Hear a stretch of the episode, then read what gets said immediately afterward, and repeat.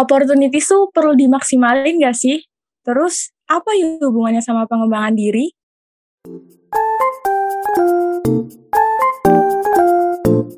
Let's get more insight by ISLCUB Podcast.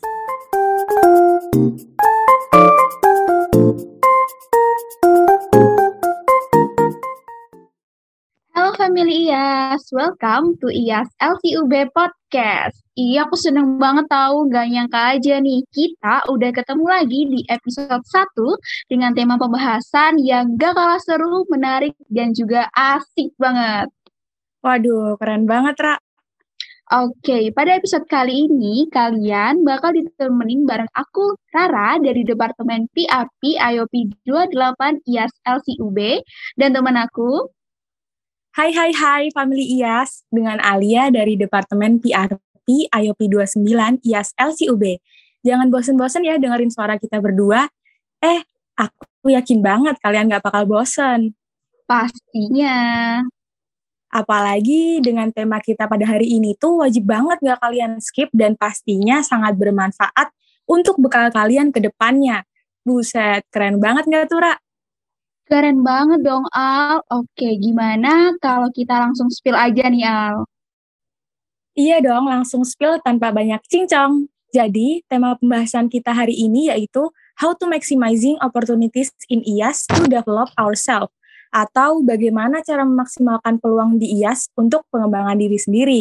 Be, love yourself banget gak tuh temanya? Banget dong, Al. Pembahasannya masih fresh banget, terutama bagi teman-teman IOP 29 yang baru banget gabung di Family IAS nih. So, buat kalian yang denger ini podcast sambil nugas, rebahan, nongki, atau bahkan sambil ngelamun, tetap stay dengerin sampai habis ya. Karena kapan lagi nih dapet tips and trick yang gak kaleng-kaleng dari narasumber yang pastinya super duper keren banget. Oke. Oke, siapa nih Al narasumber terkece kita kali ini Al? Aduh, narasumber terkece, terkeren, tersuper, terhits kita kali ini yaitu Kak Devan yang merupakan salah satu orang yang berperan penting di IAS LCUB karena sepak terjangnya be udah nggak perlu diraguin lagi. Udah ganteng, pinter, berjiwa kepemimpinan, yang pasti bakal jadi idola kalian sih. Oke, langsung aja karena di sini udah ada Kak Devan, kita cus perkenalan aja kali ya. Karena kalau tak kenal gak bisa cetan. Aduh. Canda. Oke, untuk Kak Devan boleh langsung aja kenalan sama teman-teman setiap podcast IAS LCUB. Oke, halo-halo semuanya. Halo Alia, halo Rara. Kenalin Kak aku Devan. Halo. Devan. halo, uh, kenalin ya aku Devan. Em, sekarang kebetulan diamanahi menjadi National Director dari IAS Indonesia dan tahun lalu jadi Local Community Director dari ISLCUB. Salam kenal Salam semuanya. kenal Kak Deva. Aduh, salam kenal BTW Kak. nih Kak, akhir-akhir ini kesibukannya lagi apa nih Kak? Oke, kalau sekarang aku lagi sibuk skripsi karena udah mahasiswa tingkat akhir ya. Jadi lagi Wow. ngelarin skripsi, terus sama sibuk di IAS Indonesia sih mungkin. Waduh, itu aja. keren banget. Waduh. Semangat Kak skripsinya. thank you. By the way, Kak Devan eh, udah makan belum nih? Takutnya ntar lapar, kan kita belum ada konsumsi nih Kak. Oke, maaf oke. banget. Alia jujur Ah. banget deh. Udah sih udah, ya udah udah udah makan tadi, udah makan malam. Oke. Oh iya. Kalian udah oke. makan belum? Aman Kak, sudah kan kita prepare nih buat podcast kali ini. Wah, iya dong. Oke, baru perkenalan aja nih, gimana ya? Udah bikin tambah excited banget gitu, nggak sabar lagi mau ngobrol-ngobrol asik sama Kak Devan. Gimana kalau kita langsung mulai, Al? Hayu Dera, langsung gas aja kita. Nah, sebelum ngobrol ke inti pembahasan, kayaknya bukan kita dong nih, Al, yang penasaran sama alasan atau motivasi di balik Devan join IAS LCUB nih. Teman-teman yang lagi dengerin podcast pasti juga setuju banget. Flashback dikit kali ya. Nah, Kak Devan, eh, kira-kira alasan Kak Devan join IAS LCUB untuk pertama kalinya itu kenapa nih, Kak? Oke, oke. Sebenarnya uh, alasan pertama itu aku flashback dikit ya. Sebenarnya aku masuk di SLCUB itu uh, bisa dibilang kayak dalam tanda kutip by accident gitu ya. Soalnya dulu tuh pas waktu aku masih maba kan masih offline ya. Uh, aku ingat banget dulu pas waktu open house Raja Brawijaya itu tuh kita kayak datang di booth-booth UKM UKM gitu di Laprek Terus um, taunya depan uh, booth IAS itu ada kakak yang jaga gitu. Uh, kakak yang jaga dari uh, kakak IAS. Terus dia kayak nawar-nawarin gitu masuk uh, IAS. Aku inget banget namanya Karya. Kalau misalkan Karya dengerin ini mungkin Karya inget ya. Halo Karya, how are you? Um, jadi kakaknya itu kayak ngasih kita amplop gitu. Isinya itu kertas username sama gantungan kunci gantungan kunci logo IAS aku ingat banget. Nah, dulu tuh ya kalau misalkan daftar IAS tuh ada biaya regisnya guys. Kalau sekarang kan gratis ya kalian. Ya nggak sih Alia sama Rara kemarin? Iya kak, gratis. Kita nah, bisa langsung ini daftar aja. Oke, kalau aku dulu ada regisnya, jadi kayak bayar dua puluh ribu atau dua puluh lima ribu gitu, aku lupa.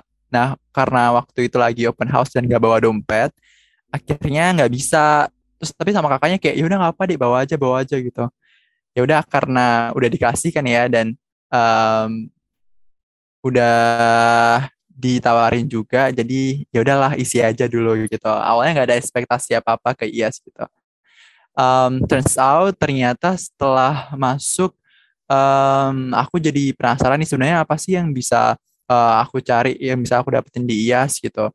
Motivasi aku nggak lain gak bukan itu pengen nambah knowledge aja sih awalnya, knowledge sama experience karena emang labelnya IAS kan uh, organisasi internasional ya.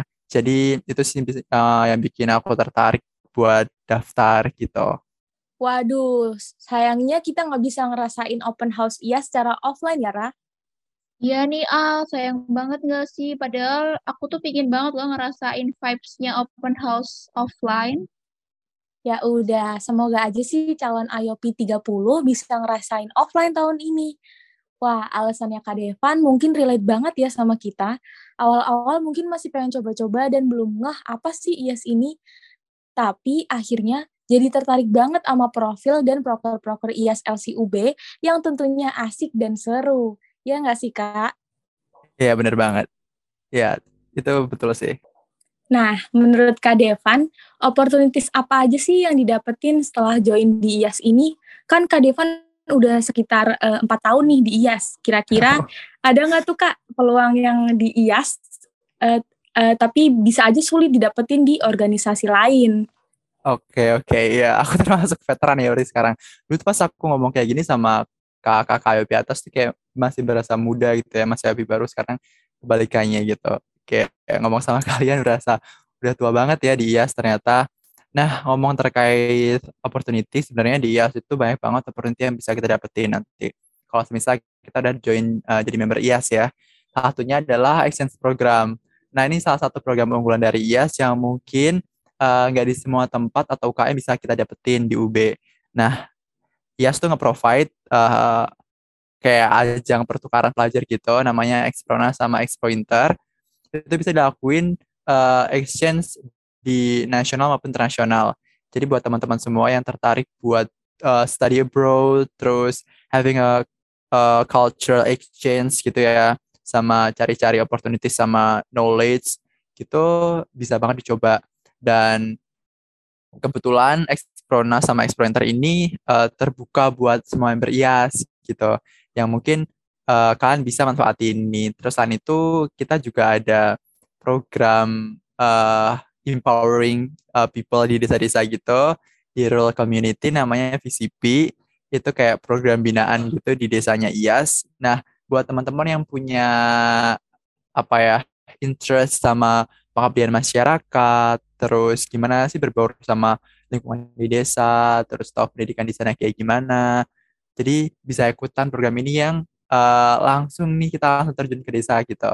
Dan selain itu masih banyak banget opportunity yang kalian bisa dapetin di IA, salah satunya having an international relation. Karena kan IA nggak cuma di Indonesia aja ya. Nanti kalian juga bisa uh, expand your relation sama orang-orang di luar gitu, yang jadi member uh, IAS gitu di country lain. Dan itu sangat-sangat uh, menurut aku privilege sih buat kita join IAS as a member gitu, punya kenalan nih teman-teman di luar negeri kayak gimana gitu sih. Pokoknya IAS tuh bakal uh, ngebantu kalian buat get a lot of exposure sama international uh, international things gitu sih. Dan juga selain uh, itu tadi pastinya kita juga bakal disupport sama uh, pengembangan soft skills yang kita dapetin karena kan kalau misalkan kita kuliah mungkin kita nggak dapet all of those kind experience ya yang dikasih sama kita belajar di bangku kuliah yang mungkin kita harus cari sendiri which is di UKM atau organisasi. Nah, IS itu ngebantu banget buat kita bisa nge-improve uh, diri kita gitu, buat developing diri kita. Kayak gitu sih mungkin. Iya, iya, Kak. Aku setuju banget sih sama Kak Devan. Bahkan uh, aku kan baru gabungnya sih baru setahun juga kan, Kak. Nah, gimana ya? Aku tuh ngerasa banget kalau IAS nih uh, bisa kasih opportunities, bisa kasih value yang banyak banget gitu ke aku. Dan tadi tuh juga disebutin juga kan, Kak, banyak banget program program-program kerja yang kece-kece gitu yang seru-seru, Expronas, Expro Inter, VCP. Nah, aku tahun ini tuh nunggu-nunggu banget nih Kak VCP karena tahun kemarin tuh aku belum uh, berkesempatan untuk gabung VCP. Jadi aku tahun ini tuh kayak excited banget gabung VCP karena kelihatannya seru banget ya kan Kak Devan. Iya, yeah, itu harus harus join sih itu ya. Karena VCP itu terbuka buat semua member iya sebenarnya gitu, nggak cuma buat teman-teman project doang. Jadi kalian nih yang dari PRP ya biasanya jadi bisa banget cobain gitu dan bisa kenal sama teman dari departemen lain juga. Nah, iya biar bisa banyak kenalan juga gitu, Kak. Oke, tadi kan udah bahas panjang lebar tentang opportunities nih, Besti. Nah, sekarang kita mulai nyinggung ke pengembangan diri. Hal yang menurut kita gampang banget untuk dilakuin, tapi butuh proses panjang, kesabaran, dan ketelatenan untuk ngelakuinnya. Nah, menurut Kak Devan sendiri, poin penting saat kita tahu diri kita berkembang tuh dengan apa sih kak? Oke, poin pentingnya ya. Um, kalau dari aku sendiri, kita bisa tahu diri kita berkembang itu dari awal sebelum kita join sama waktu kita udah berproses di IAS. Itu ada perbedaannya. Nah, di situlah kita tahu seberapa jauh kita udah berkembang gitu. Kalau misalkan yang di awal nih kayak masih maba banget atau teman-teman yang baru join itu di tahun kedua yang mungkin ada kan beberapa teman kita yang baru join tahun kedua itu pasti kalau misalkan baru masuk IAS kan kayak masih uh, belum dapat experience-nya gitu. Nah, ketika kan udah jalan mungkin satu semester atau satu tahun itu pasti kerasa nanti um, hal apa sih yang udah terupgrade pada diri kalian gitu yang udah kalian dapetin ketika kalian uh, berproses di IAS kayak gitu.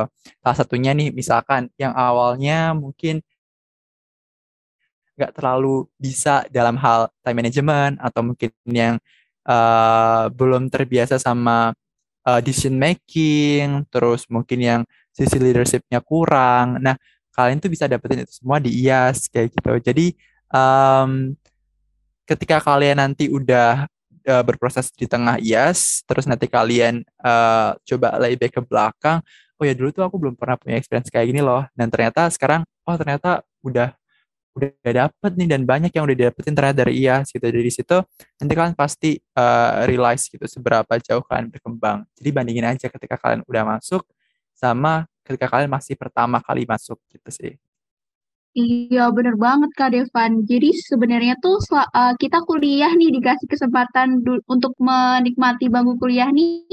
Sebenarnya nggak hanya akademik aja kan Kak ya. Kita juga ya, bisa bener, bener. explore uh, ikut organisasi-organisasi dan yang mahal itu sebenarnya experience-nya, terutama uh, di IAS ya. karena nggak semua organisasi punya gitu. Nah, aku mau nanya nih Kak Devan, selama masa tersebut ada nggak sih Kak kesulitan atau hal yang bikin Kak Devan stuck ketika berada di proses pengembangan diri? Dan gimana nih cara Kak Devan untuk mengatasi hal tersebut?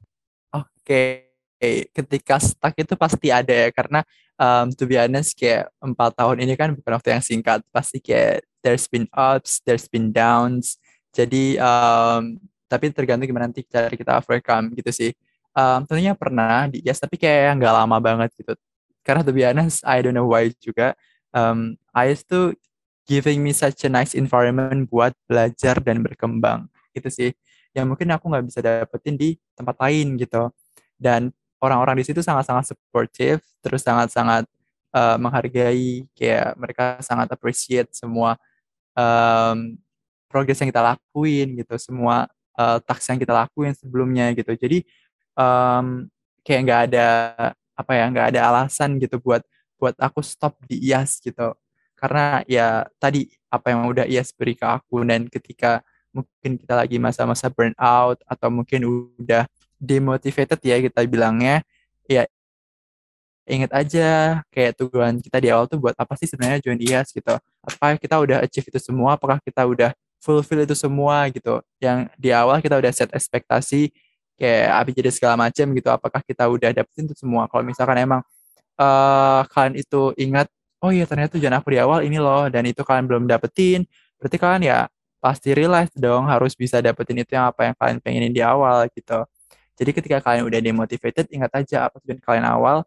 Ketika mau join IAS kayak gitu sih kalau dari aku. Terus buat uh, overcome itu bisa melakukan hal yang kalian senengin gitu. Nggak apa-apa sih oke okay buat uh, take a break bentar gitu ya. Kayak mungkin bisa dibilang sekarang tuh chilling ya. Kayak chill bentar gitu kayak um, istirahat bentar dari semua hiruk pikuk taks yang ada gitu kan. Mungkin bisa ngomong ke manajernya atau ke kodepnya atau mungkin ke EC-nya juga bisa. Sekarang kan juga ada supervisor juga tuh bisa ngomong ke mereka juga kalau misalkan kak kayaknya aku lagi burn out deh. Aku izin buat um, chill sebentar ya. It's really okay. Jadi menurut aku nggak um, harus kayak kita harus kayak kerja kerja kerja gitu kan. Karena setiap orang pasti punya fase jenuhnya masing-masing. Jadi itu sih mungkin dari aku. Oke, Oke, mungkin tadi uh, kalau aku simpulin. Jadi kita kalau misalnya lagi demotivation nih, kita harus ingat goals awal kita. Nah, terus uh, cari lingkungan yang positif dan lingkungan yang support kita. Ya nggak sih, Kak? Iya, bener banget itu. That's nah, correct. dan dan juga uh, don't forget to give yourself a break dan uh, give achievement to yourself gitu ya, Kak. Bener banget. Nah, oke, okay, dari penjelasan panjang dan lebar mengenai opportunities di IAS ini, serta pengembangan diri versi Kak Devan, ini nih hal yang paling ditunggu-tunggu banget. Pastinya tips and trick dari Kak Devan mengenai memaksimalkan opportunities yang didapat di IAS untuk pengembangan diri nih. Oke, langsung aja nih Kak. Apa aja tips and triknya? Aku sama Rara udah kepo banget nih dari tadi. Oke, okay, oke. Okay tips and tricks menurut aku ya uh, cara kita buat maksimalin uh, potensi yang ada di diri kita di IAS terutama. Yang pertama jangan pernah takut buat mencoba. Itu sih. Karena um, kita kan di sini niatnya buat belajar ya. Kayak cari experience banyak-banyaknya gitu. Kayak we learn from mistake juga. Aku ingat salah satu cutting IOP di atasku Kak Betsy. Halo Kak Betsy. Kalau nonton. Dia pernah bilang kayak gini. Kayak Yes itu the best place for all of you to making a mistakes. Karena ketika kalian making mistake di IAS tuh gak ada yang marahin kalian. Ya kakaknya pasti bakal kayak kasih tahu nanti benernya kayak gini loh dengan cara pastinya uh, in the nice way ya buat ngomongnya gitu. Jadi itu lebih ke arah suggestion, terus mungkin uh, comments yang sifatnya membangun. Jadi nggak kayak yang menjatuhkan. Jadi kita pun belajarnya juga enak gitu. Jadi buat teman-teman semua di sini kayak yang pertama jangan pernah takut buat uh, mencoba dan berbuat salah gitu.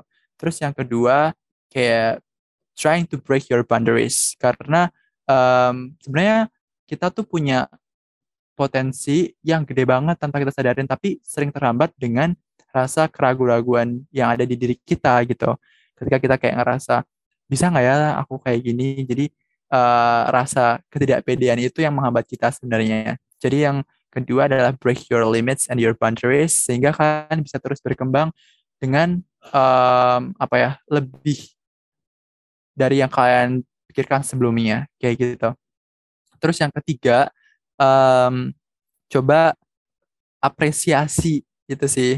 Apresiasi diri kita itu penting banget loh buat kita sebenarnya uh, ketika kita udah achieve sesuatu yang menurut kita mungkin hal simple gitu, menurut orang lain hal simple, tapi sebenarnya uh, it's still a apa ya progress gitu. Itu adalah progress juga yang udah kita dapetin. Jadi uh, no matter uh, what jadi segede apa pun itu atau sekecil apa pun itu ya itu tetap progres diri kita. Jadi jangan lupa apresiasi diri sendiri. Kayak gitu sih. Dan um, semoga ketiga tips itu bisa membantu ya teman-teman semua familias di sini buat um, terus striving di IAS gitu. Karena aku yakin semuanya punya potensi yang gede banget dan harus dimaksimalin. Karena kan gak mudah ya join IAS aku yakin teman-teman di awal tuh kayak masuk IAS aja udah banyak banget stagesnya. Terus step-stepnya harus uh, jalanin uh, stage A, B, C sampai IOP sampai uh, boss gitu kan. Jadi kalau udah masuk sayang banget kalau nggak ngapain gitu. Jadi maksimalin uh, opportunity yang udah kalian dapetin sehingga nanti kalian bisa dapet apa yang kalian mau gitu secara penuh di IAS karena sebenarnya IAS sudah sangat-sangat memfasilitasi kita semua sih menurut aku kayak gitu. Yaps, bener banget tuh. Tips and trick kayak gini nih yang uh, teman-teman wajib banget coba dan terapin di kehidupan sehari-hari siapa tahu aja kan tips and trick itu cocok nih di kalian dan bikin uh, kalian makin berkembang di IAS. Bahkan ya, hal simple seperti postingan di sosial media aja bisa bikin kita ikut berkembang loh. Contohnya ya, contohnya uh, IAS nih punya konten namanya itu IAS IAS share nih kalau nggak salah dan agrikal tips di IAS LCU di Instagram IAS LCUB yang dapat uh, menambah pengetahuan dan wawasan baru mengenai fun fact and tips yang mungkin aja belum pernah kalian tahu sebelumnya. So, follow aja dan patengin terus Instagram ISLCUB. Bener banget nih teman-teman, jangan lupa follow Instagram ISLCUB ya. Nah, kalau dilihat-lihat dari hal-hal yang udah dijelasin sama Kak Devan tadi, pastinya peran dari relasi dan lingkungan itu juga sangat penting dan dibutuhin banget ya teman-teman untuk mengupgrade pengembangan diri kita yang sekaligus difasilitasi langsung nih sama IAS. Nah, Kak Devan punya mentor atau semacam role model gitu nggak sih Kak? Sehingga dapat terus berproses hingga bisa menjadi seorang Devan yang sekarang ini. Oke, di IAS ya pastinya banyak sih ya karena to be honest alumni IAS terus kakak tingkat uh, aku di IAS itu sangat-sangat wah sangat-sangat aku kayak undescribable gitu ya aku bilangnya. Mereka sangat-sangat present gitu. Dan um, tentunya banyak banget kayak nggak bisa aku satu kalau misalkan aku pengen mention itu mungkin ada satu namanya Bang Alawi. Kalau misalkan Bang Alawi nonton halo Bang apa kabar? Jadi um, dia LCD dua tahun di atasku. Jadi ketika aku masih new member, masih IP baru, dia jadi LCD-nya kemarin. Nah, hal yang paling aku ingat adalah dia itu sangat-sangat down to earth, even though yeah, he's uh, got a lot of achievement. Terus dia itu um, juga udah keren banget ya dalam sisi leadership, terus dalam sisi akademik maupun akademik itu keren banget deh pokoknya kalau misalkan jadi role model tuh kayak dia role model gitu ya di Yes. Terus um, satu hal yang aku ingat tuh dia sangat-sangat uh, apa ya open to every member, even tuh kayak aku masih member baru, tapi dia tuh mau nge-approach aku duluan gitu. Kan biasanya kalau misalkan kita masih member baru kan masih sungkan gitu ya sama kakak ketua ataupun kakak EC gitu. Tapi dia sangat-sangat welcome gitu bahkan dia nge-approach aku duluan ngajak ngomong duluan terus nanya-nanya gitu kan terus kayak discuss bareng dan dia tuh sangat sering ya encourage aku buat coba hal baru gitu yang sebelumnya aku pikir kayak kayak maybe I cannot even do this gitu. Tapi dia kayak bilang enggak enggak kamu pasti bisa gitu coba aja dulu. Kan uh, aku yakin dengan potensi yang kamu punya Devan pasti bisa kok ngelakuin ini gitu. dan uh, that's all those words uh, yang dia bilang ke aku akhirnya ya aku coba gitu. Dan ternyata emang benar. Sebenarnya yang ngebatasin diri kita tuh ya diri kita sendiri gitu uh, rasa yang aku bilang tadi kayak rasa ragu terus uh, nggak pede itu yang menghambat kita sebenarnya. Dengan potensi yang udah kita punya itu lebih dari itu sebelumnya. Jadi um, akhirnya aku ingat kata-kata dia terus coba break all through your limits terus cari opportunity sebanyak-banyaknya terus manfaatin itu. Dan sampai sekarang akhirnya aku bisa sustain di IA sampai empat hampir empat tahun ya kayak what achievement. Aku juga nggak nyangka kayak di awal gitu itu sih mungkin terlepas dari itu banyak banget kakak yang jadi apa ya role model atau uh, panutan lah ya kita bilangnya di IAS gitu kayak kode aku waktu aku masih IP baru juga kayak Bang Rama terus ada masih di atas aku Bang Leo gitu. terus masih banyak lagi yang keren-keren gitu di IAS uh, mungkin itu sih Wow, keren banget role modelnya Kak Devan. Sama sih Kak, di tahun aku pun kakak-kakak uh, IOP 27 tuh kayak gimana ya, selalu supporting kami untuk selalu maju. Wah, keren banget sih emang Yas nih. Oke, okay, last, last question nih buat Kak Devan. Ada nggak sih Kak kesan pesan dan motivasi gitu untuk family IAS uh, yang lagi dengerin podcast kita kali ini biar kita terus semangat dalam mengembangkan diri serta uh, bisa untuk terus memanfaatkan fasilitas yang ada di IAS. Oke, pesan pesan ya. Um, yang pasti jangan berhenti untuk belajar dan kayak haus ya akan experience dan knowledge gitu. Karena honest, kayak aku bilang tadi di IAS itu tempat yang paling paling sportif yang udah kalian uh, dapetin gitu. Kayak karena kan kita family base ya jadi even kita punya uh, tagline yang smart professional think globally locally jadi kita tetap punya family base yang kental banget gitu yang mungkin uh, jarang banget kalian dapetin apalagi kalau misalkan udah jadi mahasiswa kan ya um, kan pasti ada beberapa yang rantau jauh dari orang tua gitu kan. Nah support system itu sangat penting apalagi buat teman-teman organisasi itu sangat-sangat pendukung banget sih. Terus uh, selanjutnya buat teman-teman semua jangan cepet puas dan jangan uh, membatasi diri kalian. Itu sih. Karena kita nggak tahu ya ke depannya kita bakal berkembang sejauh apa gitu. Kalau misalkan kita nggak coba opportunity yang dikasih gitu. Jadi kalau misalkan nanti um, in the future kalian di encourage sama kakak-kakak kalian entah dari kode, manager, EC atau supervisor kalian buat coba hal baru, ya udah ikutin aja gitu. Karena um, itu merupakan salah satu apa ya bentuk rasa kepercayaan mereka terhadap kalian. Kalau misalkan mereka ngiranya tuh kalian mampu buat lakuin itu. Jadi uh, coba aja gitu. Dan yang pasti yang terakhir um, jadikan semua experience yang kalian punya ini bermanfaat gak cuma buat diri kalian tapi juga buat orang-orang di sekitar kalian dan juga lingkungan itu sih jadi um, itu semua bisa kalian elaborate jadi satu sehingga nanti kalian tahu sebenarnya tujuan kalian di IAS itu apa sih gitu terus uh, seberapa bermanfaat sebenarnya yes buat diri kalian juga buat lingkungan di sekitar kalian. Kayak itu sih mungkin tips and trick dari aku. Semoga bermanfaat ya buat semua familias di sini dan tetap semangat terutama buat IOP baru yang baru banget join. Terus buat kalian semua di sini buat Rara sama Alia juga semangat. Masih kayak you still have a long road gitu uh, ahead. Jadi um, manfaatin itu. Itu sih mungkin. Waduh Waduh, siap Kak. Makasih nih uh, semangatnya tadi. Be, keren banget nih motivasi dari Kak Devan. Jangan berhenti belajar dan cari tahu hal baru nih teman-teman. Pastinya bakal bermanfaat banget buat kita dan seluruh family IAS. Waduh, sayang banget nih family IAS, kita udah sampai di penghujung acara dan part paling sedihnya kalau ada pertemuan pasti ada perpisahan. Nah, aku dan Rara juga mau ngucapin terima kasih nih ke Kak Devan karena udah mau berbagi uh, cerita, pengalaman, dan tips-tips menarik untuk kita semua. Semoga apa yang kita bahas kali ini dapat membawa perubahan positif ya ke diri kita masing-masing dan tentunya bisa membuat kita makin produktif lagi dan semakin mengenali potensi diri sendiri. Oke, sama-sama ya Alia, Rara. Iya, sekali lagi thank you so much ya Kak Devan. Sampai jumpa di lain event dan sukses selalu untuk Kak Devan. Semangat skripsinya ya Kak. Jangan lupa jaga kesehatan Kak. Oke Kak thank Devan. You. Ya, sedih banget nggak sih Al? Ngobrol-ngobrol kita harus berakhir di sini.